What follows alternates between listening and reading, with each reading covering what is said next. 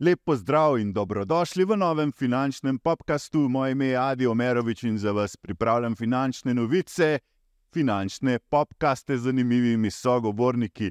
In danes res zanimiv sogovornik, Tilan Šarlah, finančni analitik. Lep pozdrav, Tilan. Lep pozdrav. Da bom pravilno izgovoril tudi tvojo firmo ACX. Kako pravzaprav uh, izgovoriš to? ACX, čist kratko. Okay. Uh, Tilan, uvodoma, če si mi mogoče malo predstaviš, poveš svojo dolgoletno zgodbo. 20 let si že upet v trge, investiraš, uh, ogromno je enega znanja in izkušenj. Vsem tem bomo danes govorili o surovinah, delnicah, aktualnih novicah in tudi o kriptosredstvih. Kako si začel Tilan? Zdaj si že potihoma po malo uh, izdal dejansko to dolgoletno bom rekel, rekel da nisi več tako mlad. Ja, 20 let sem. Prav zgledaš super, še skozi mlad. Ampak, ja. 20 let se kar eh, dolga doba sliši, je pa resno. Jaz sem dosti hiter, sem začutil, da se nekako najbolj udobno um, počutim nekje na stolu za ekrani, čim več da jih je, 3-4. In to sem nekako začel prakticirati tam pri nekih 16-17 letih, mislim, da sem odprl prvi ra račun, še prednji sem spomnil spiti za avto in podobno. Um, se spomnim, ko sem rekel mami, da me pele v Ljubljano, da odprem trgovalni račun, pa me je gledala, kaj bom delal s tem. Pač, ja, začel sem trgovati in uh, to je bilo res zelo hitro, začel sem se naduševati nad finančnim svetom. To je bilo v začetku tega stoletja, ne? to je v bistvu internet še zelo slabo delal. Ni bilo ne aplikacij, ne pametnih telefonov, zelo drugačna. Uh, drugačno okolje, kot ga imamo zdaj. Ne? Res je, res je. In tudi uh, cela pot eh, tega, kar sem jaz začel delati in na kakšen način sem se tega začel letevati, bom rekel, 20 let nazaj, pa to, kar delam zdaj, je popolnoma druga. Druga slika, druge tehnike, druge strategije, uh, drugače gledam na market. Um, bom lahko rekel tako, da seveda, če bi imel znanje, ki ga imam zdaj 20 let nazaj, bi bilo precej drugače. Mm. Ampak to je pot, ki jo mora pač vsak uh, iti sam čez, da se vse to nauči. Pa si imel mentorja, kdo ti je sploh rekel, ali si gledal uh, Michael Douglas v Wall Streetu, pa si rekel, bom jaz. Tega ti nisem jaz izdal, ampak to je dejansko res.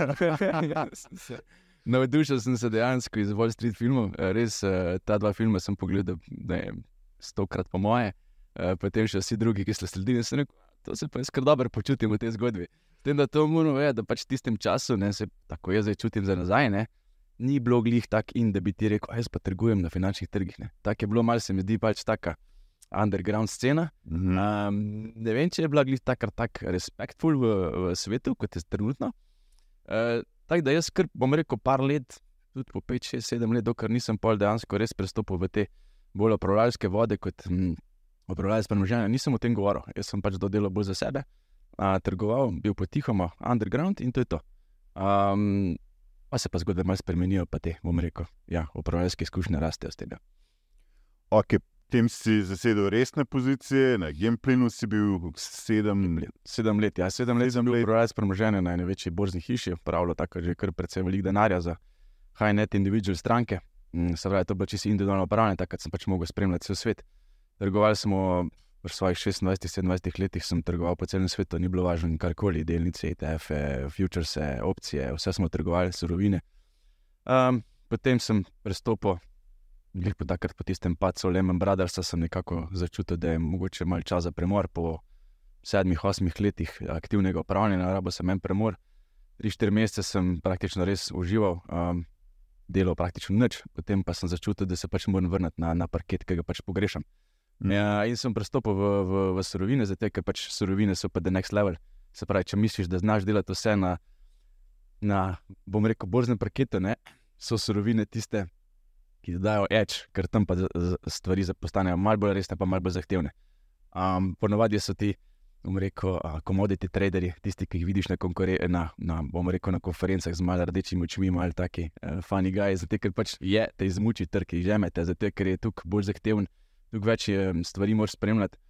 Ampak eh, sem se nekako najdel noter, takrat se je trg transformiral. Um, na družbi smo takrat začeli vzpostavljati finančno trgovanje, ki ga prej ni bilo. Mene je to fulž zanimalo, bil sem en z redkimi izkušnjami iz prej finančnih trgov, tako da sem šel pač narediti za komoditi eh, trgovalca vse licence po tujini, tako da lahko trgujem po celi Evropi. In to vas je peščica v Sloveniji. Ja, tega ni veliko, tega kadra res ni veliko, zelo težko je priti noter v ta krog. Um, Retaka so zelo velike sume denarja, uh, posli so gromozanski, to so količine, ki jih pretrguješ v enem dnevu, 10, 20, 30 milijonov na dan. Um, v, bom rekel, terminskih pogodbah. Um, Kakšen stres je to?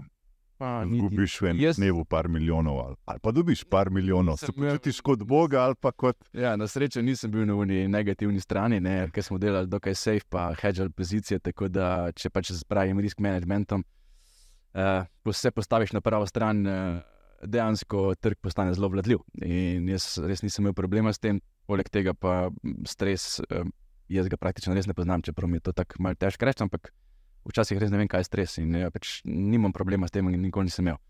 No, tudi kar se tiče eh, finančnih pozicij, za mene je čisto vse eno, ali pozicija 100 evrov, 1000 evrov, milijon, ne igra nobene vloge. A, če imaš ti strategijo, če imaš ti dejansko veš, zakaj pozicijo odpreš in veš, zakaj boš zaprl, dejansko vstopiš skoraj risk-free v pozicijo. Vedno jaz tudi izhajam iz tega. Ne? Tvegano je investirati, še bolj tvegano je pa, če ne investiraš.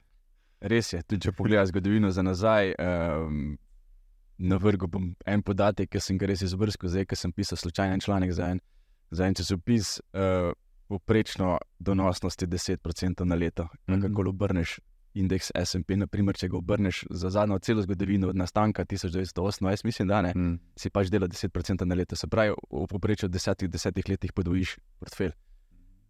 Ne glede na to, da so bile vojne vmes, ne glede na to, da so bile finančne krize, ne glede na to, da so se banke sesule, karkoli. Mm. In točno to, če nisi investiran, si na slabšem. In pač v okolju, ki živimo, moraš biti investiran. In moje prvo pravilo je, odkar se spomnim, jaz sem bil vedno fully invested, vedno fully invested. Moj disposable income, se pravi, tisti, ki ni namenjen za investicije, je mogoče 1%, vse ostalo je investirano. In to, se tega zadržim že 20 let in ta strategija pač meni uh, pije voda. Kako začeti? Ne? Tudi ti si na začetku bil veliko bolj agresiven, predvidevam, ne? ker si želel nabrati neko košarico denarja, da lahko potem malo bolj konzervativno investiraš. To je verjetno želja mnogih. Kako biti agresiven, pa istočasno, da še nisi preveč nor, da bi uh, izpraznil svoje račune. Je, je, je zelo tanka linija. In zdaj, ko gledam za nazaj, ne, um, jaz sem bil bolj nun, uh, agresiven človek, siguren. Um, bil sem tisti, ki se nisem držal tistega by the book pravil, Mhm. se pravi, pač neko razpršitev premoženja, eh, ne preveč tvegati, imeti nek risk management. Tega se jaz na začetku nisem držal, ne, sploh ne za sebe. Ne. Jaz pač eh, sem investiral res uh, skozi. Um, 100% portfolio, um, iskal sem naložbe, ki pač imajo tisti nek edge, ki mi bojo prinesli več od poprečnega donosa. Pač nisem si mogel pri 17 letih prvošiti, da bom čakal 10% letno ali pa 12% letno. Pač Ja. To za mene pač ni igralo. Premalo. Se pravi, Jaz sem mogel pač prehitevati indeks. Ne, ne zato, ker sem imel pač nek finančni cilj, nisem ga imel, ampak zato, ker se pač nisem počutil, da bom nek average investor. Hotel sem biti pač boljši od trga. In če hočeš biti pač boljši od trga, moraš pač biti bolj agresiven ali pa iskati naložbe, ki ti bodo prinesle dejansko večji donos. To na začetku te šole niso vedno pozitivne. Bom jaz rekel, ko gledam za nazaj, sem imel tudi zelo drage šole. Ampak vsaka taka draga šola te izpopolne, da lahko pač čez leta potem zelo mirno in bolj s preudarkom gradi svoj portfelj. Pri meni je to bilo tako, da ja, začel sem zelo s kratkoročnimi timeframi, rečemo, da sem trgoval na 15-minutnih, 5-minutnih, urnem, znotraj dneva obrnil 3-4 pozicije. V zadnjih letih, v zadnjih 5-6 letih, vračam mogoče tedensko, mogoče mesečno. Sploh ne, me zanima več ta noise, ki nastane znotraj dneva, Mhm. ga čisto absorbiram stran. Uh, se odročim samo na neke makre, makrofaktorje, neke večje fundamentalne dejavnike, ki jih pa mogoče lahko zamajajo trg. Zelo hitro znam prepoznavati te um, rekel, vzorce na trgu, kdaj se bo trg obrnil, kdaj se bo delnica obrnila, kdaj se bo nek Mhm. finančni Kdaj se bo trend spremenil? Bo trend spremenil. Zelo dobro berem te indikatorje, zelo dobro berem momente v, v nekem čartu, bom tako rekel. Mhm. In uh, z tega vidika zelo mirno spremljam neke pozicije. In uh, ko se dogajajo te premiki, volatilnosti, ki jih zdaj vidimo v zadnjih letih, precej, me včasih niti ne ganjajo, zato ker pač vem, da pač ok, ustavil sem se strategijo, še vedno smo v nekem trendu na, bom rekel, na večjem time frameu in me te mikrospremembe niti Mhm. ne zabolijo več tako.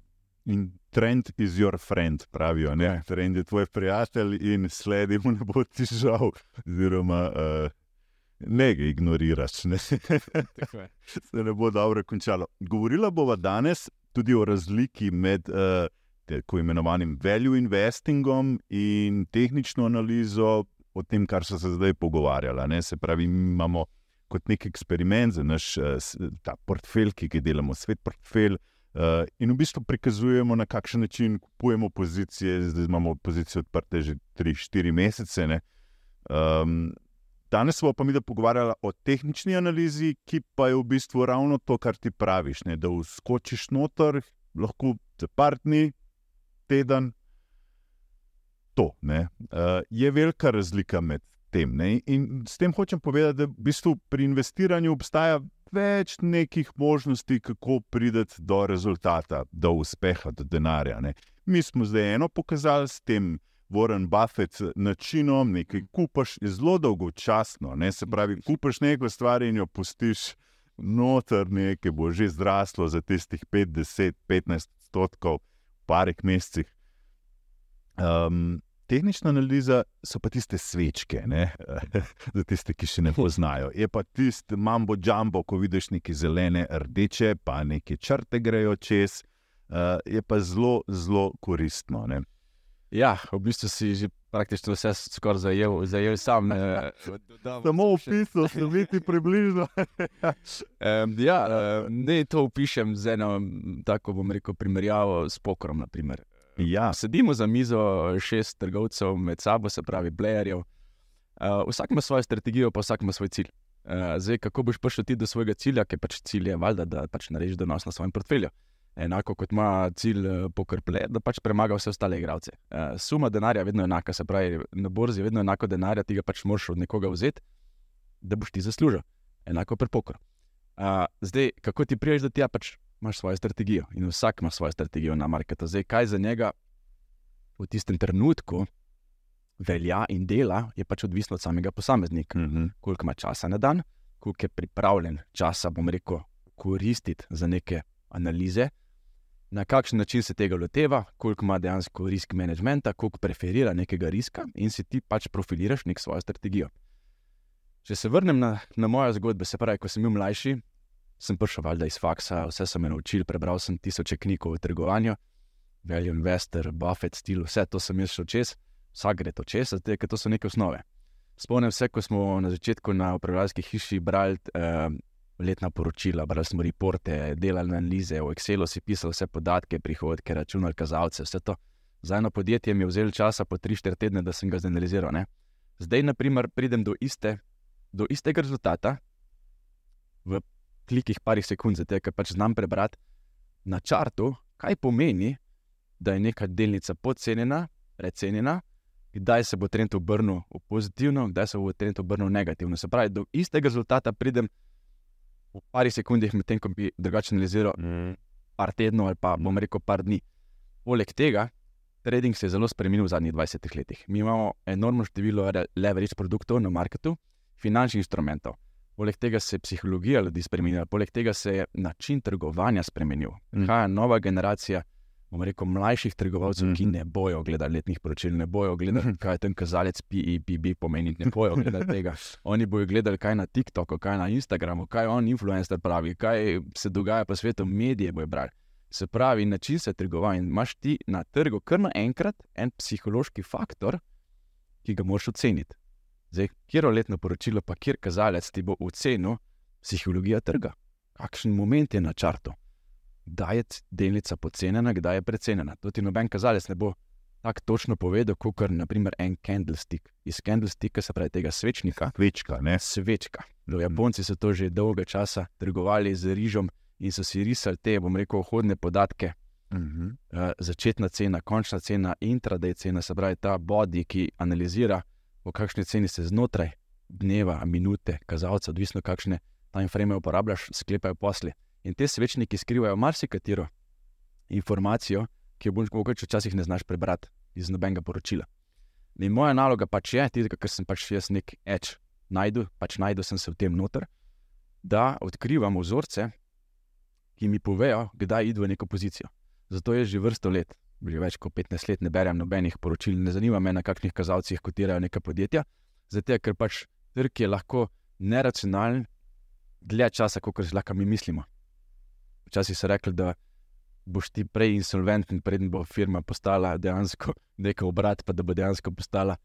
Um, Da se bo obrnil trend in da boš ti lahko vstopil po njo. Se pravi, mm. nimam iz tega časa, niti trg se je tukaj spremenil. Mm. Zato me to ne zanima. Jaz pač gledam, kdaj bo prišlo do nekega obrata trenda in znam iz price actiona, se pravi, same cenovne krivulje, znam razbrati, kdaj se bo cena delnice začela, ali pa cena finančnega instrumenta, ali pa komoditija, ali pa kripta, ali pa kjerkoli. Mm. No, vseh dela enako, nobene razlike ni med nobenim.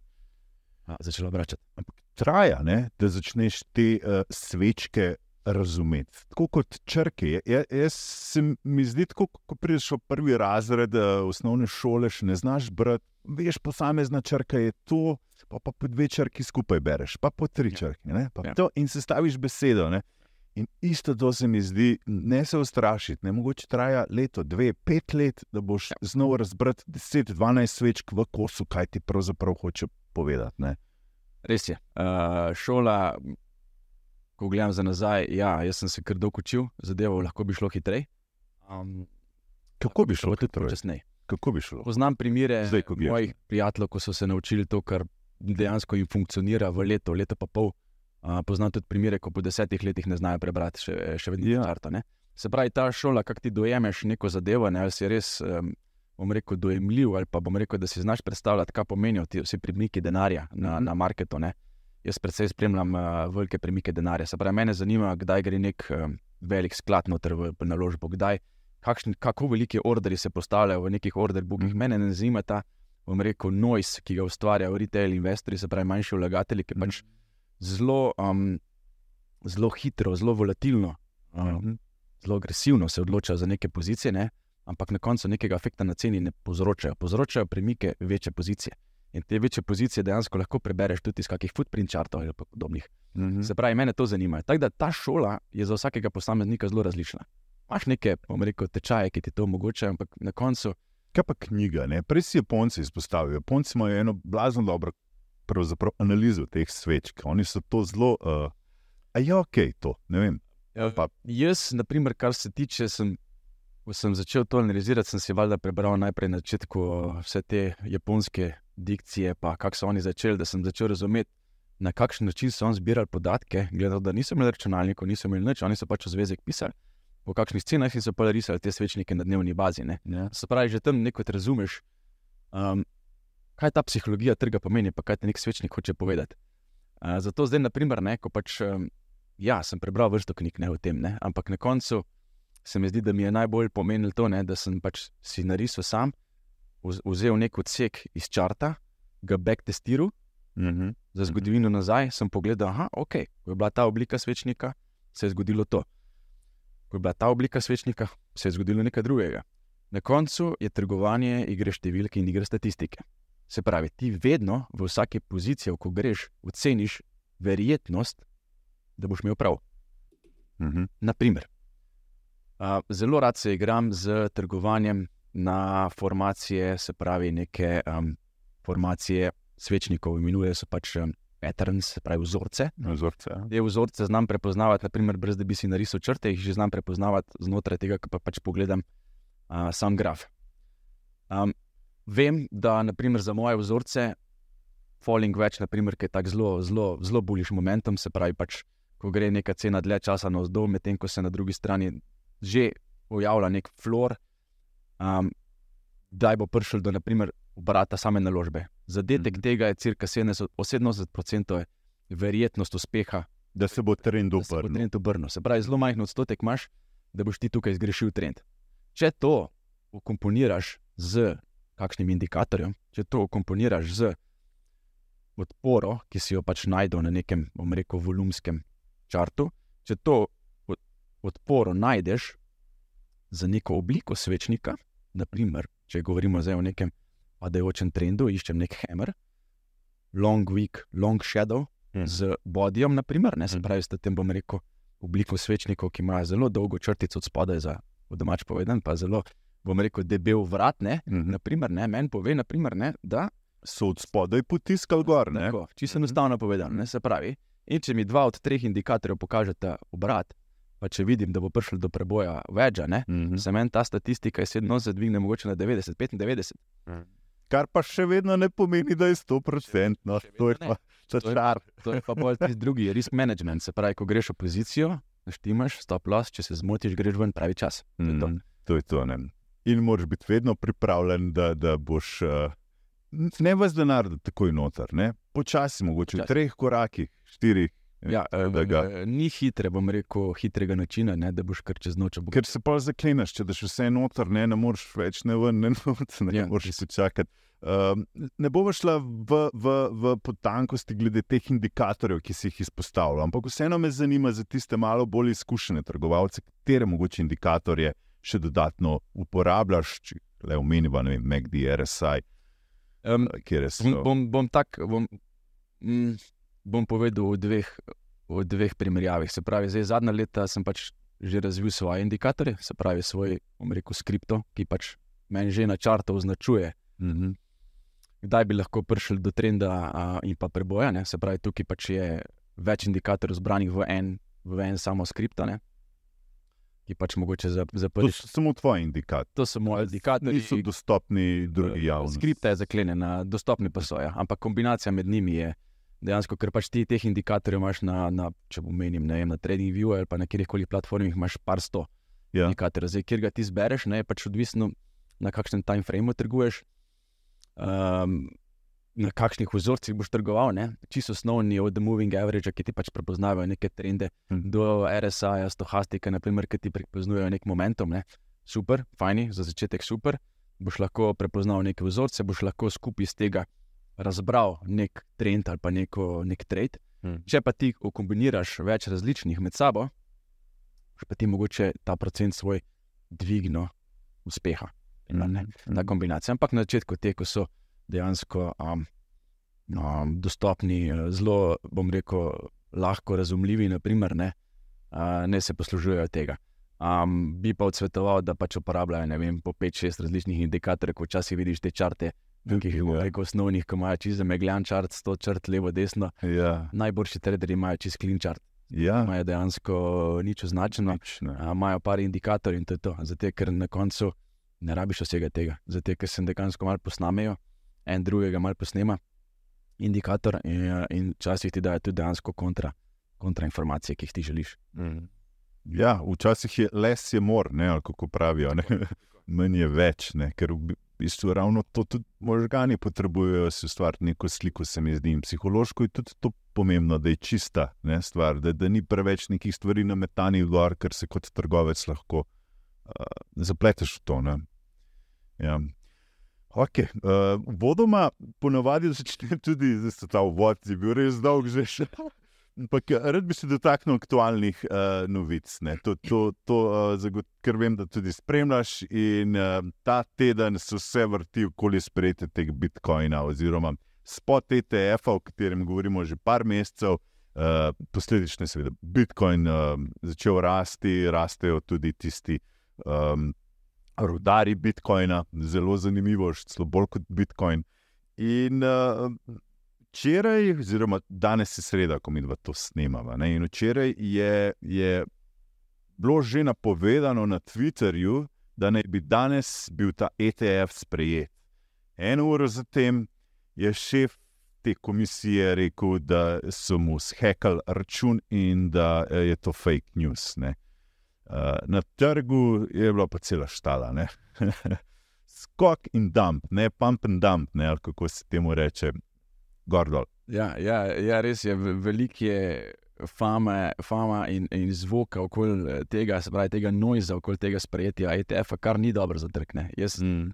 sem prepričan, da karkoli se bo zgodilo, bo imel negativen efekt na kratek rok. Se pravi, karkoli se bo zgodilo na marketu, ali bo sprejet ali ne bo sprejet, bo najprej initial pump ali pa dejansko nek dump in iskanje nekih novih nivojev. Sem buliš na long term, ampak ta, ta, ta event je enostavno prevelik in preveč pomemben in dogaja se že 3-4 mesece. Ja. Na podlagi tega kripto raste že od oktobra naprej ne? in pač enostavno rabi predah. Uh, brez tega ne bo šlo. Da bo ne, sprejet ETF, bo šlo to kar nopično zgor, to se ne bo zgodilo. Uh, bolj zanimivo je to, kar, je, kar se je včeraj zgodilo. Naprimer, ne, pač, um, javnost, če so pač odprli Twitter račun, pa če so odprli kakršne koli nuse, to je zgodilo točno to, kar si ti povedal. Bil je Twitter, hacknan, um, bil je pozitiven moment, bil je dejansko tako negativen moment, ko so pač sporočili, ne, hacknan sem račun.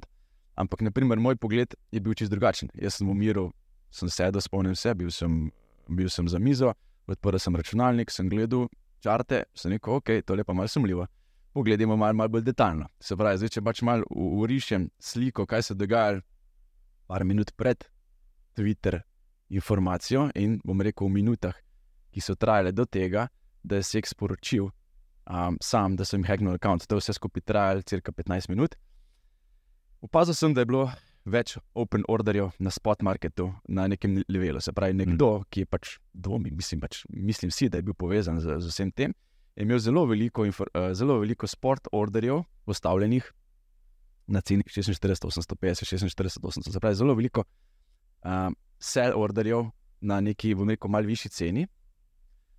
Na drugi strani je bilo odprtih zelo veliko leverage pozicij na nižji ceni, ki so potiskale to ceno navzgor. Ko je prišla pozitivna novica ven, so vsi retailerji skočili, seveda, na vlak, ker so pač rekli, wow, je to full bullish, to je full dober moment. In so mm. potiskali ceno proti bidom, od teh večjih playerov, ki so bili že nastavljeni že pred samo novico noter. Včasih, mm -hmm. ko je ta pozicija kopnela in so te prodajali, so valjda služili tudi na isti strani z leverageom, s futuresi, ki so imeli odprti na long do 46-850.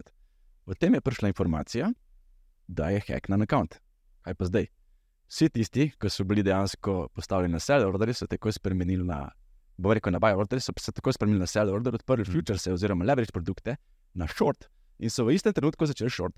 Se pravi, tisto, ko je to, bom rekel, bil informiran z te zadeve, ne, je, je lahko služil in navzgor, in navzdol. In zato smo pa videli dejansko po 15-minutnem grafu zelo velik candle navzgor in zelo velik candle navzdol. Hmm. Se pravi, to je tista volatilnost, ki jo je povzročila, ko si ti mogel kar na hiter enkrat odpreti, pa zapreti pozicijo v rekel, zelo kratkem času, volumna pa dejansko ni bilo.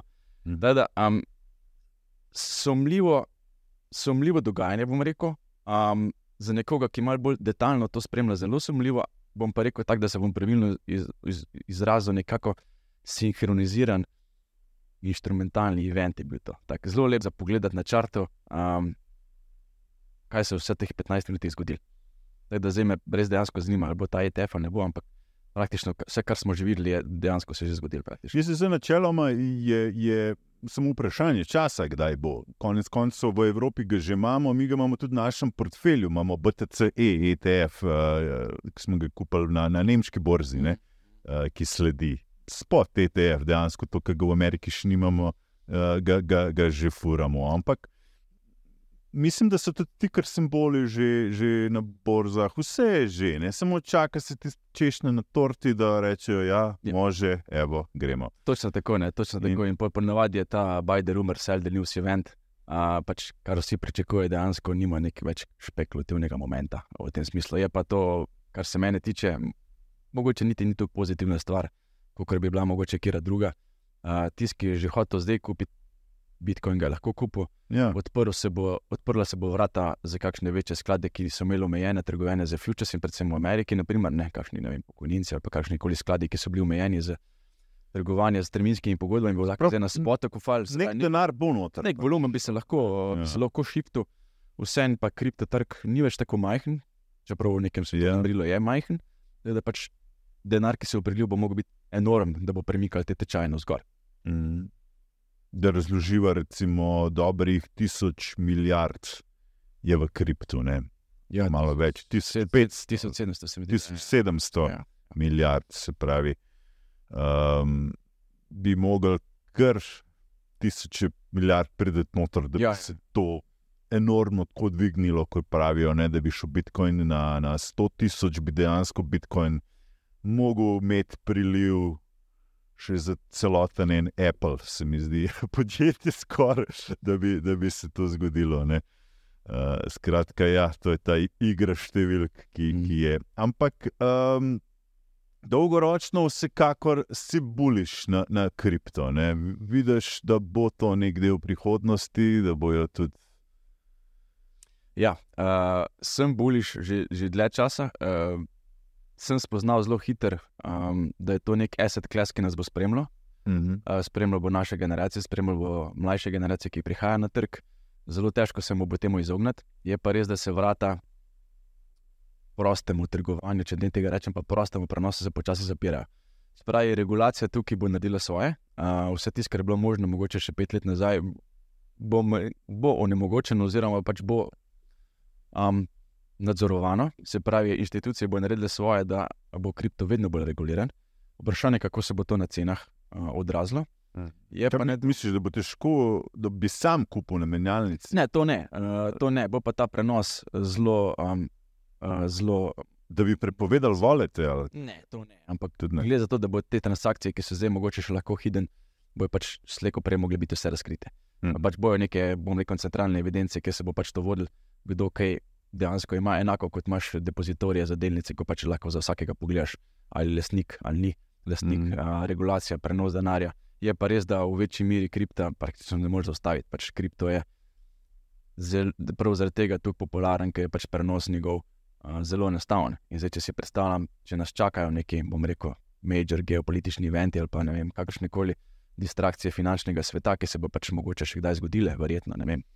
A, kripto je zelo enostaven inštrument za prenos prek meja. Uh, ti si omejen za gotovino, mm. si omejen za zlatom, si omejen za, bom rekel, nakazile v tujino. Trenutno prek kripto lahko delaš, dejansko prenašaš kjerkoli po svetu. In pač to je ena taka prednost, ki je pač v nekem zaostrenem, bom rekel, geopolitičnem okolju, je to zelo velika prednost. Da, da kripto kot asset class bo obstal. Jaz sem pač sem buliš na kripto, pač dvomim, da bojo številke take, kot so bile v prih, preteklosti. V zadnjih desetih letih, ja. Tisoč procentov, kar ja. je nerelevantno, ampak to, tudi če naredi 30, 40, je pa dost. Um, Tako da, ja. Delnice tudi spremljaš. Uh, zanimiva zgodba ta teden, recimo Boeing. Ne? Boeing je imel um, dan, dva nazaj, tisto težavo, ko je odpulil okno med enim letom, mislim, da čez Aljasko. Ja. In uh, delnice padla, seveda. Prvi dan že tako, mislim, za 8-9 odstotkov, včeraj tudi še nekaj dodatnega. Um, je to recimo dobra priložnost? Ne? Boeing ima ogromno nekih naročil. Če gledamo delnico, recimo tudi iz tehnične analize, je imela zelo, zelo lepo rast v zadnjih dveh, treh mesecih. Ne? In uh, me zanima, je pravičeno, da je cena tako dol padla, je to dobra vstopna točka, recimo ob takih nekih uh, novicah ali lahko pričakujemo, da bo zdaj po ogromnih slabih novic, da bojo. Ker se je že začel tudi o tem govoriti danes, ne, da, da so vsa ta vrata, da imajo malo slabe šraufe, da je treba pregledati, da je treba to. Ne. In potem, ko se začnejo te novice, ja. tem vlagatelji to. Ker... E, to je res, pravi e, medijske zgodbe, škandali, e, informacije, negativne informacije, ki prihajajo na trg, pa tudi na drugi strani pozitivne informacije, igrajo zelo veliko vlogo pri um, ceni delnice. Zdaj, ali to na kratek rok, ponavadi se to zgodi na kratek rok. Se pravi, ko pride nek negativni news, kot je bil trenutno pri Boeingu, to negativno odreagira, zdaj, ker pač nekateri, ponavadi to manjši pleri, bolj agresivni pleri. Premikajo svoje naložbe, zato mm. se pač ustrašijo. Pač taki event je bil, naprimer, pri Boeingu, ki načeloma gre, ne poznam podatkov fundamentalnih, ampak pač načeloma gre to za dobro stoječe podjetje, ima kup naročil, se pravi, Boeinga ne bojo zaprli jutrne. Mm. Um, Jaz osebno, naprimer, pri takih zadevah vedno počakam na neko konsolidacijo. Tudi, če bi zdaj pogledal črt od Boeinga, naprimer, tudi če ne bi prišlo do tega eventa, naprimer, ne, točno na tej ceni, ne okoli 270, mislim, da je trenutno, ne, je imel res, res en zelo močen resistance level, ne, se pravi, bi mhm. lahko bil en bullish faktor, da bi šel čez to level. Ne. Na drugi strani ima od spodaj zelo močen support, ki je tukaj, kot se stava. Se pravi, mi smo zdaj na nekem oskem pasu ne, in jaz osebno, naprimer, ki pač gledam to prek neke tehnične analize. Ne, bi čakal za, za preboj iz nekega, bom rekel, uh, tega consolidation patterna. Ne? Se pravi, ali bo cena prebiljena zgor, ali bo cena prebiljena zdol. Se pravi, zdaj smo v nekem takem no man's landu, kjer se bo cena nekako vzpostavljala. To pomeni, v praksi to pomeni, da pač bajeri in selleri iščejo ceno, ki ustreza obojemu, dokler se ne pojavijo neke nove informacije, nove, mreko. Novi momenti, ali pa kakšen večji, večji sklad, ali pa ki bo premaknil tečaj iz tega vzorca na vzgor ali pa na vzdolj. Mm. Da, načeloma je zdaj cena uh, v nekem umestnem uh, kanalu in se čaka, naprimer, nekaj takega za mene, naprimer, zdaj vstop o teh informacijah, načeloma se tega izogibam, mm -hmm. in pač čakam na neke rekel, konfirmacije za nek continuation pattern, mm -hmm. no zgoraj pa navzdol. Uh, no, zanimivo je tudi en video, ne, delnica prejšnjega leta, ki je, mislim, imela najboljši uh, performance v SP 500 v prejšnjem letu. Nvidia uh, se je nekje ustavila pri tej ceni 500, in videli smo včeraj, predvčerajšnjem, uh, dve veliki zeleni svečki, to je zdaj prebilo na 530, mislim, ja, da tam ja, nekje. Ja, ja. Um, Nvidia je, je nedvomno en, en, en star, uh, zdaj že rečem, dveh let, ker je pač res v prehodu še, še, še povečala to svojo rast. Um, neverjetno, res neverjetno. To je en, ena tistih delnic, ki sem prej omenil, ne, da pač dlje časa lahko neracionalna, pa bom rekel, iz, iznad svojih fundamentov in pričakovanj, če pogledaš kazalce, naprimer, ne, ampak še vedno, ja. še vedno formira te svečnike. Uh, se pravi, zdaj ti tudi nobeno letno poročilo ne bo razkril pravih informacij, kot jih lahko vidiš iz, iz grafa. Naprimer, ja, ne, ja. Pač je full bullish moment. Ja. Dejansko te svečnike, dokler ne, ne pride do obrata, se pravi, dokler ne iščeš nekega shooting starja, candlesticka, bom rekel, neke formacije, ki ti bo nakazal neko brat trenda, ne, bo ta pač nek continuation pattern, se pravi, se bo rast nadaljevala. Ne. In uh, ta delnica je res izjemna. Uh, Zraven, če še dodamo dejansko cel skup teh Magnificent Seven, ne, ki jih zdaj imenujejo. Mm -hmm. Veličastnih sedem delov. Zgoraj ja. podatek, uh, dejansko sedem podjetij, oziroma uh, deset podjetij skupaj je ustvarilo crka 75% rasti SP-ja prejšnjem letu. V prejšnjem letu vse so outperformale. V ostalih 493, ja. pa 5-6 odstotkov. Se pravi, lahko ja. lah si imel zelo veliko verjetnost, da boš underperformal osnovni indeks, če nisi imel kakršne koli v teh, teh zadnjih ja, eh, podjetjih. Ja, ja.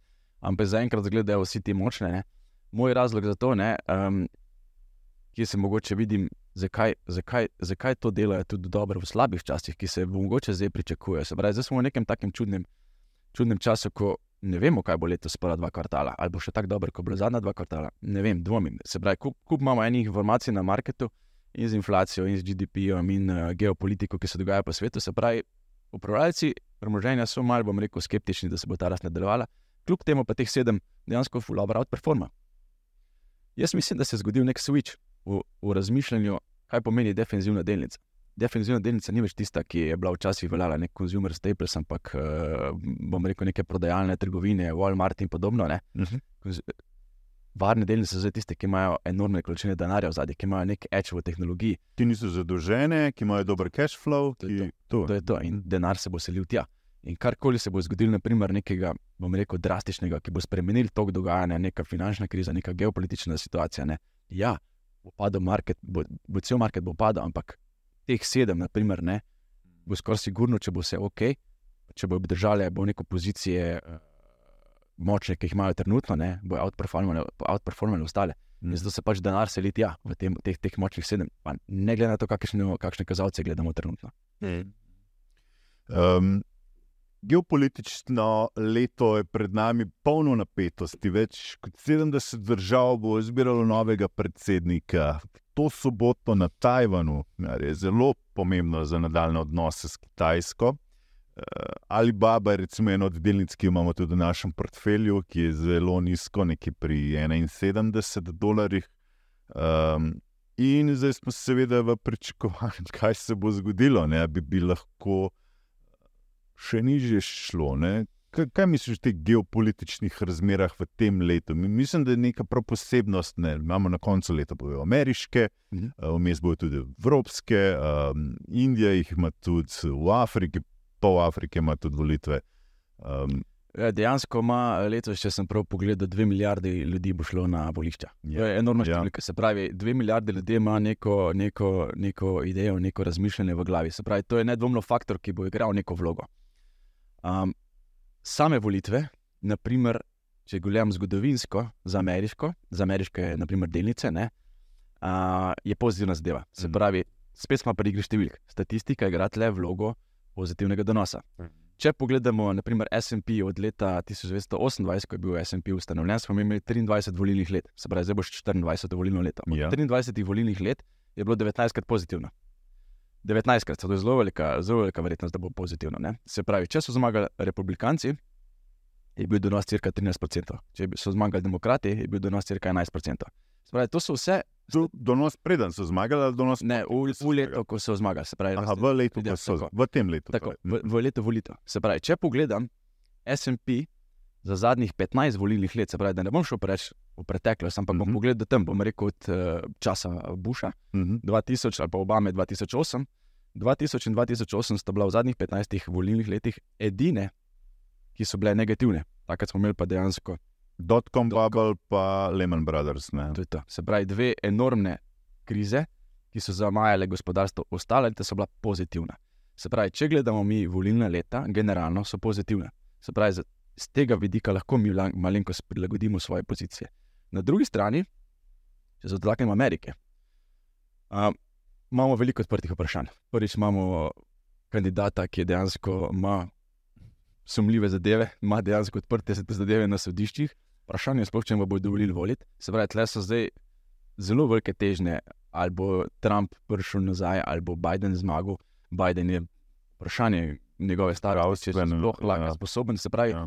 Lahko se zgodijo nenadni spremembe, ampak načeloma finančni trgi imajo to vključeno in oni bodo pač prelagali pozicije ne na volitve, ampak dejansko na, na, na, na stanje v ekonomiji. Uh -huh. um, samo geopolitika, naprimer, je pa faktor, ki je v letošnjem letu enormnega pomena. Jaz sem uh -huh. prebral, decembr, januar za mene pomeni, da se osredotočim na branje reportov največjih analitskih hiš. Se pravi, jaz pač berem vse od uh, največjih analitikov na svetu, imam jih cirka 30, rečemo, da jih aktivno preberem, cirka 10 do 15. Vsem enotno, točka je bila geopolitical risk. Se pravi, vsi pričakujejo neko dogajanje v tej smeri v letošnjem letu. To je ti zadeva, ki me malo skrbi, se pravi, to je zadeva, ki bi lahko mal, bom rekla, um, zaostrila pogoje na finančnih trgih na negativno stran. In zato so tudi dejansko pozicije, ki so jih prelegajali, pričakujejo prva dva kvartala zelo umirjeno, mogoče celo mal padec, zadnja dva kvartala pred volitvami pa dejansko na vzgor.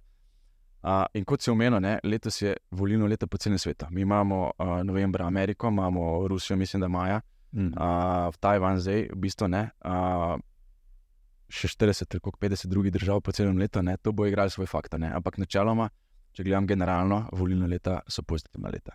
Mm. Um, če se dotaknemo nižanja obrestnih mer, tudi v tem predvolilnem letu. Ne, vstopili smo v leto z neko ambicijo, da bo ameriška centralna banka oziroma Fed letos šestkrat nižal obrestne mere, skupno za 150 bazičnih točk, to je nekaj odstotek. Pa, da si bodo ljudje lažje predstavljali, no zdaj v tem tednu se izpostavlja, da bo mogoče dve nižani za 50 bazičnih točk. Um, je, eh, čeprav njim gre ekonomija super, ne? trg dela je super. Ne? Zdaj za, za zanižanje točk uh, teh ne, uh, Feda ni dobro. Oni želijo, ne, da ekonomija trpi, da rečejo, ok, zdaj bomo pa mi znižali, da gre ekonomiji bolj. Ne? Če torej ni brezposelnosti, če lahko vsi normalno delajo, zakaj bi sploh nižali? Uh, Amerika se je pokazala zelo, zelo robustna če pogledamo, uh, kazalci so fantastični. V bistvu. Za, za čas, ja. ki, ki, preko katerega so šli, so kazalci, bom rekel, presenetili vse. Uh, imeli so bančno krizo, propadla je druga največja banka v zgodovini ZDA. Naprimer, uh, šli so prek, bom rekel, Fedovo politiko dvigovanja obrestnih mer, kakršnega nismo videli v zadnjih desetih letih. Se pravi, tle dva taka switcha, ki sta bom rekel, bi lahko imela večji vpliv na, na donose, pa jih ni, na koncu nista imela, prav zaradi tega, ker se je pač ekonomija pokazala za zelo močna. Uh mhm. -huh. Zdaj smo prišli mi do nekega trenutka, ko bo potreben nek pivot point, se pravi ta obrat, bom rekel, v, v sami strategiji. Uh, osebno mislim, da je FED dosegel nek, bom rekel, floor, uh, mislim, ceiling v, v, v obrestnih merih, tle se bo neko nižanje, bom rekel, moglo zgoditi. Verjetno mhm. bo šel, kot tudi berem, bom rekel, tuje analitike bo šel v nek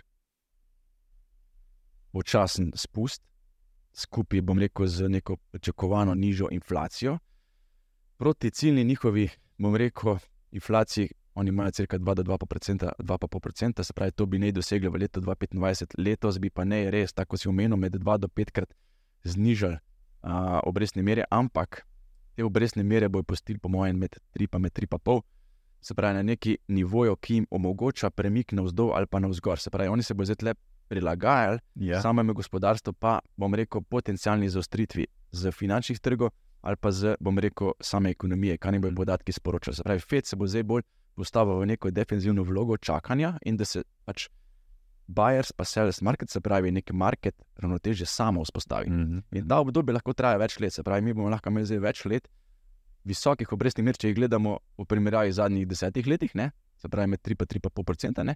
ampak ekonomija bo še vedno, bom rekel, dobro delala. Mhm. Mhm. Uh, dvomim, da bo šel nižje od tega, vse v tem trenutku, ker je preveč, preveč je dejavnikov na, na trgu, ki bi lahko obrnili zelo hitro uh, finančno situacijo. Mhm. In tega se američani zelo dobro zavedajo. Zdaj, v, v, v 70-ih letih ne, eh, se mi je ravno to zgodilo, da, da so malo prehitro začeli uh, nižati te obrestne mere, in takrat je recimo, inflacija še bolj poskočila, kot je bila prej. Ne. Se pravi, recimo, če smo imeli mi v začetku 10-odstotno inflacijo, bi prehitro znižali obrestne mere in da bi ta inflacija poskočila na 15-17. Ne. Res je, res je, FED je v preteklosti tudi sami priznavajo, tudi po, po reportih, ki bereš, je dvakrat do trikrat naredil kar hude napake. Ali je šel prehitre spuste ali pa prehitre dvige. Vedno je pač to zavrl ali pa bom rekel, preveč spodbudil ekonomijo. ne. Ja. Kar je pomembno, tudi kar se tudi zdaj zaveda, pa tudi kar se dejansko na delnicah, eh, ameriških delnicah posebej to izraža, ne, je, zakaj tako outperformajo ostale. Ne. Pač oni so imeli izredne svežnje denarja, ki so jih pač namenili gospodarstvu. Pravi, potrošniki tam imajo, bom rekel, en buffer denarja, ki ga pač vlagajo naprej. Ta buffer denarja bo zdaj dejansko iz postkoronskih časov počasi začel zmanjkovati. Se Pravi, potrošniki bojo tle malo oslabljeni ne, in zato bo ta rast nižja pričakovana. Mhm. Poleg tega, ne, večina denarja, ki je generirala rast v, bom rekel, zadnjem kvartalu letos, ne, izvira še iz časov nizkih obrestnih mer. Se pravi, ta switch zdaj v obdobje višjih obrestnih mer ne, traja nekaj časa. Zato bo ta rast, bom rekel, finančnega trga malo počasnjena, zato, ker bo ta denar začel kompneti, ker so ga zdaj američani dejansko nakopičili v teh zadnjih časih. In ta, ta, ta je tisti, bom rekel, nek downturn, ki ga pač analitiki tudi pričakujejo, se pravi, neko bolj zmerno, do počasnjeno rast, ne, ne pa tako, kot smo videli v zadnjih, v zadnjih dveh kvartalih, ki so bili res uh, izredne. ne. Mhm. Spremljati je treba seveda tudi te surovinske cikle in tle, recimo, če se dotaknemo najprej nafte ne, in tega rdečega morja, uh, upornikov, ki napadajo tam ladje. Včeraj sem v oddaji, oziroma v ponedeljek sem kazal v oddaji, v bistvu to satelitski posnetek, kjer že vidimo, da je kompletni ladijski prevoz že potekal okoli Afrike, ne. tisti del je že zaprt praktično. Ne. In uh, to se bo že poznalo, ne? čeprav nafta je še vedno soček pri tej ceni 77. Ne? Uh, je nek rahlo se proti gor giba, ne? ampak uh, tle, v bistvu tudi Amerika ima dobro pozicijo. Ne? Nekaj sem videl podatek, da Američani 13 uh, milijonov sočkov na dan napumpajo. Ja? Medtem ko Saudici, recimo 9, ne, ki so bili prej uh, največji in najmočnejši. Ne. Torej, Američani vodijo pravzaprav uh, cenovno politiko nafte.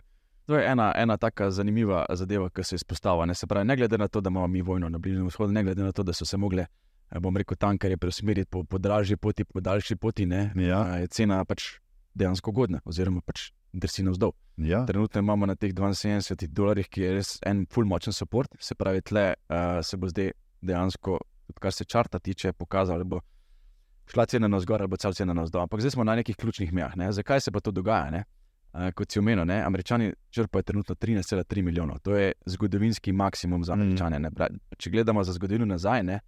Zelo redko so bili američani prvi po črpanju nafte. Ne? Se pravi, tle imamo zdaj mi nek clash med OPEC-om in samo Ameriko. Ne? Mm.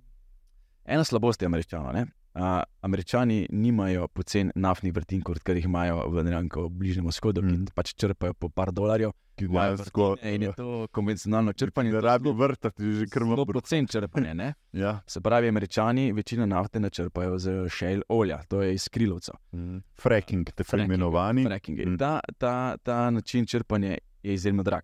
V ameriških primerih, odvisno od vrtine, ali so tam od Texasa ali so malo više gor, poprečje med 50 in 70 dolarjev. Se pravi, da ti načrpaš to uh, nafto ven iz vrtine. Se pravi, oni bojo kmalo prišli v ta break-even. Poleg tega, pa je slabost tega frackinga, je, da ga ti ne moreš izvajati v nedogled, zato ker pač fracking izgublja dejansko kvaliteto in, um, kako bi se temu pravilno izrazil, ne, ta tlak, da je neko tako iz kamnine, ko ti črpaš to nafto. Ne, Mhm. um, počrpaš vse. Tako, po letih dejansko učinkovitost teh vrtin začne padati. Mhm. In po nekaterih analizah so američani v njihovih ključnih vrtinah dosegli maksimum. Se pravi, oni bodo zelo težko iz 13 prišli na 17 milijonov, ne? se pravi, oni so v nekem plafonu. Povečevanje v njihovi smeri je zelo težko. Um, poleg tega je naftna industrija uh, zelo neelastična, se pravi, ti ne moreš zdaj kar neko naftno, naftno, novo naftno polje odkriti. Pač, ja, so nekatera na vidiku, ne moreš pa zdaj čez noč iti tja, pa boš rekel, zdaj pa je tam neko novo vrtino nadprl. Vstop na ta sektor je zelo težek. Mm -hmm. Njihova proizvodnja je na maksimumu, medtem ko kartel dejansko še ima tam zelo veliko fleksibilnosti. Pač Zdaj, Oni namensko uh, znižujejo črpanje. Zdaj, ko so se izmerili med sabo, so, pač, so hoteli doseči visoko ceno, ampak zgodilo se je ravno obratno, zdaj, ko so američani povečevali. Trg je pa dejansko v ravnovesju. Se pravi, in če zdaj dodamo k temu, kar smo prej govorili, da se v prvih dveh kvartalih pričakuje dejansko nekaj, bom rekel, blažja, blažji upad na gospodarskem vidiku, ne? nižji promet, nižja rekel, poraba nafte, ne? je cena, cena to odraža, zato pa cena šla navzdol. Karkoli se bo zdaj zgodilo na tem, bom rekel, popraševalnem vidiku, ne? bo pač nafta, nafta šla navzgor. Um, osebno mislim, da pač nafta long term je boljš, sploh na teh nivojih, zdaj, naprimer. Da zdaj bo res, tudi kar se tiče samega grafa, naprimer, zelo lepo videti, kaj se bo zgodilo zdaj, ki je okoli 72 dolarjev, ampak to je ena taka ključna meja, ki jo pač uh, vlagatelji mogoče. Prav, če smo imeli v prejšnjih desetletjih neko poprečno vrednost nafte okoli 65, recimo, bomo se zdaj navadili na 85, mogoče. Ne? Tako, analitiki pričakujejo okoli 100. To so, to so ocene, ki jih pač pričakujejo zdaj. Prvi visokost. Ja, pač vprašanje, kako zdaj to uh, verjamem, ampak moramo nekaj vedeti. Ne? Uh, mi smo imeli zdaj res visoko inflacijo. Se pravi, če upoštevamo dejansko celo infla, uh, inflacijo v zadnjih letih. Ja. Pa prejšnje cene, ki so bile pač, vem, med 65 in 70, pa zdaj na 100, naprimer, ne, mm, smo že tam, tam dejansko. Uh -huh, uh -huh. Pa če upoštevamo zdaj draže črpanje, pa ekonomijo, pa se to ni tako nemogoče cena. Mislim, da osebno se bomo mogli navaditi na na draže vse surovine, um, ne samo te hard commodities, um, pa bom rekel, um, ampak tudi mogoče prehrano. Se pravi, to je tudi en sektor, naprimer, ki ga jaz vidim bolj na long term. Um, dos, dosegamo dejansko nek maksimum proizvodnje, medtem ko prebivalci še kar raste. Se pravi, mi bomo prišli tle v uh, nek naskriž, ko pač proizvodnja ali bo šla cena navzgor, ali pa bo dejansko pač prebivalcev se zmanjšalo. Pač tako je, trendi, trendi so pač navskrižni. Ne moreš ti v nedogled povečevati proizvodne prehrane, naprimer, si lahko z nekim učinkovitostjo, ampak dejansko nekje v nekem roku um, dosežeš ta, bom rekel, maksimum pik. Mm -hmm. In pač te reporte, ki jih pač berem, naprimer, je videl, pač, bom rekel, te soft commodities kot eno izmed eh, boljših faktorjev za naslednjo desetletje, naprimer za long term. Mm -hmm. Zdaj, v lanskem letu smo videli, recimo, pomarančni sok, ne, da je skoraj toliko dobro delo kot Bitcoin. ja, bila sta ta dva ekstrema, ne pomarančni sok. Uh, prav zaradi tega, ker pač tam v Mehiškem zalivu imajo res velike nasade, prišla je en uh, virus, uh, z, bom rekel, zradirali tam tretjino ali četrtino proizvodnje. Pač, ja. Američani niso imeli za zajtrk za pitne, pač v tem smislu, pač cena šla gor, ne enako, kot si omenil, smo se pogovarjali za olivno olje. olje. Olivno olje pač, bom rekel, žrtvo, žrtvo klimatskih sprememb, ni mu kaj pač vroča boletje. No, tudi ta virus ne, je nekako izhajal iz teh klimatskih sprememb. Imamo kavo, kakao, ogromno nekih surovin. Torej, ja. Naprimer, to bi bil en sektor, naprimer, ki bi bil sigurno za spremljati uh, za, za naslednje desetletje. Soft commodities. Ja. Tudi, naprimer, če pogledamo z čist. De, nam blizu, Ukrajina in eh, njihova um, kmetijska, bom rekel, uh, kmetijski sektor, oni so predvsem močni v žitu, naprimer, ne. Cena žita, naprimer, uh, ko so pač Ukrajinci najdli dodatne poti, kako tanke, mislim, te svoje ladje spraviti ven. Zato je žite dejansko začelo dejansko zelo lepo padati, ne? po tistem piku iz leta 2022 in 2023, naprimer, zadnje dva kvartala, zadnje tri kvartale, zelo lepo padli. Zato, ker pač ni bilo te nevarnosti več, da bi dejansko tam Rusiji ustavili njihovo proizvodno žita. Ne? Te so vse neke makro zgodbe, ki vplivajo ne samo na ceno komoditijo in te, te je treba pozorno spremljati. Uh -huh. uh, sladkor, tudi ta recimo, je ena od zanimivih zgodb. Ja, tam sladkor pa povezan z, z Indijo, če se prav spomnim, je, je nekaj zgodbe. Ja, ampak enako zgodbo imajo. Ne? Se pravi, imamo en efekt, ki spremeni uh, dobavno verigo. In ta, in ta efekt, naprimer, se pol tako odraži v ceni same, uh, same, samega komoditija. Ponovadi je pri komoditih tako, ne, ne glede na kjer ga gledamo. Ne? Se pravi, imamo nek fundamentalni razlog za spremembo cene. In to je tisto, kar sem prej rekel. Uh, zakaj je s komoditijo teže traditi kot naprimer, z delnicami? Zato, ker moraš ti dejansko spremljati celo dobavno verigo. V zadnje ti moraš vedeti, dejansko, da okay, klimatske spremembe, ok, vreme tam, ok, v redu, tam dobavne verige. Naprimer, Tudi, naprimer, če se spomniš za nazaj, ko smo imeli mi uh, sod nafte v negativnem. Ja, se tako videl. Kaj je do tega prišlo? Naprimer, Zelo malo ljudi ve, naprimer, ne, kaj je razlika med VTJ in Brentom, ne, kje se ta dva soda trgujeta. Ne. Brent, londonski, naprimer, ne, mm. pač, to je severno-atlantski. Severno ja. naprimer, ne, pa teksaški. Brent ne, se ja. treda na terminalu ob morju, medtem ko teksaški se treda v, na celini v Teksasu. Zelo velika razlika je, ti imaš fleksibilnost v severno-atlantskem morju na terminalu z ladjami, se pravi, imaš tam zelo veliko fleksibilnost, kiro ladjo, kako veliko ladjo, kako bo ti dobavno verigo teh brendcodov odvedel iz terminala naprej, zato ker se tam trede. Se pravi, tam je skoraj nemogoče, da bi ti prišel v nek presežek nafte, da bi ti mogel po negativnem spredu trgovati. Medtem ko na VTI-ju, ki imaš ti v Teksasu, večino nafte gre nekaj po plinovodih, druga gre pa na vlak. Se pravi, ti imaš pa tam zelo omejeno dobavno verigo. In kaj se tam zgodilo, je to, ne? da pač v nekem trenutku je bilo več ponudbe, kot je bilo vprašanja. In ne pa samo vprašanja, možnosti, da se ti sploh od tam odpelu, so od nafte. Vse te zadeve moš ti ukomponirati, da pa razumeš, zakaj se nek komoditi giblje tako, kot se giblje. Uh mhm. -huh. Kje sploh uh, izvesti naložbe v, v recimo, hrano? Kako bi to se ti lotil? No, bi iskal delnice, pa bi se prek delnic ja. probil vključiti? Načeloma, to, za, načeloma za, za, za širše, bom rekel, pa za bolj enostavno spremljanje ja. trgovanja je najboljše pri kakšnih skladih, ETF skladi. Se pravi, ETF. Lepo zasledujejo. Za tiste bolj izkušene, ki se jim pač da s tem ukvarjati, lahko kupujejo futures, terminske pogodbe.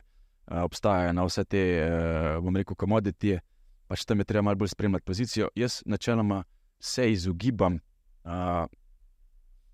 naložbam v delnice, ki zasledujejo, bom rekel, ceno neke dotične komoditije. Zato, ker pač uh, sama delnica, ja, bo zasledovala ceno uh, komoditije, ampak bo imela tudi svoj vpliv svojega poslovanja. In to imaš dejansko dva faktorja, na katerega moraš vedeti. To je enako kot da trguješ zlato, naprimer, ne, uh mhm. -huh. pa vlagaš v minerje.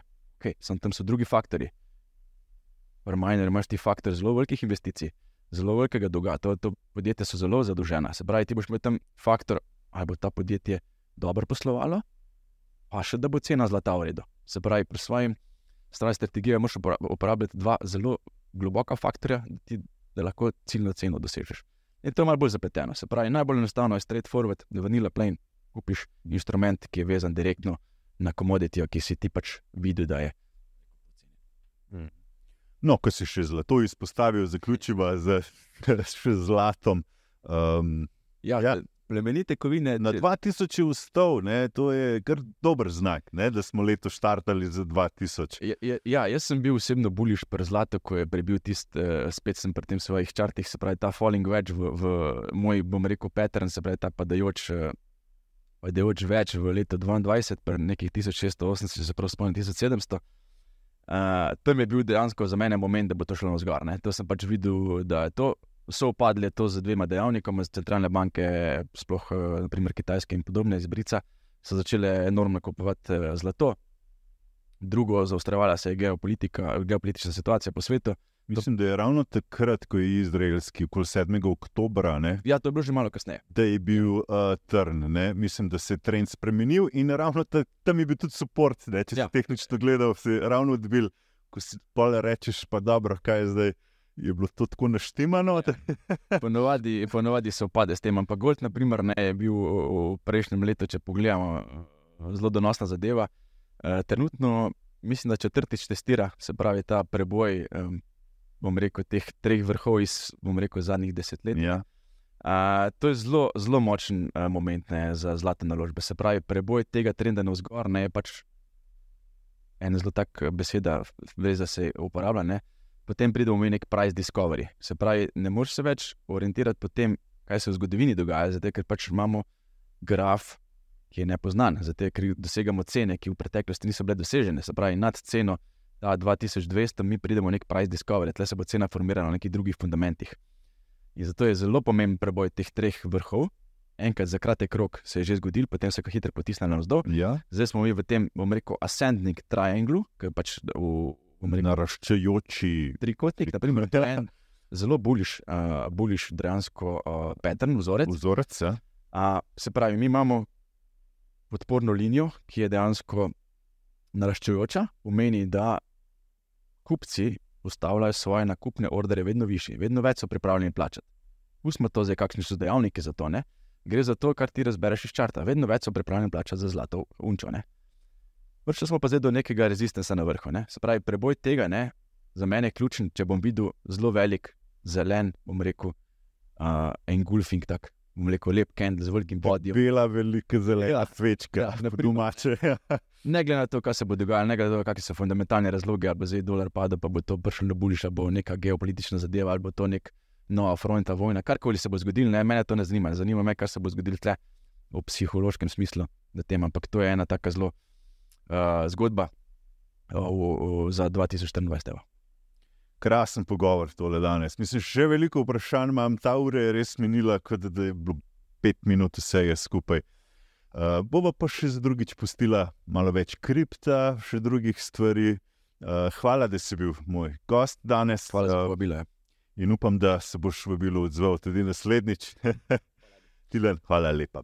Spoštovani, hvala lepa za vašo pozornost. To je bil današnji finančni podcast. Spremljajte nas še naprej v sklopu informativne oddaje Svet na kanalu A vsak ponedeljek v rubriki Finančni svet. Na spletni strani 24.com lahko ob torkih berete moje finančne komentarje in seveda vsak četrtek spremljate finančne podcaste z zanimivimi gosti. Želim vam lep preostanek tedna še naprej, uspešno in srečno. Hvala lepa na svedenje. Tič, pušil, že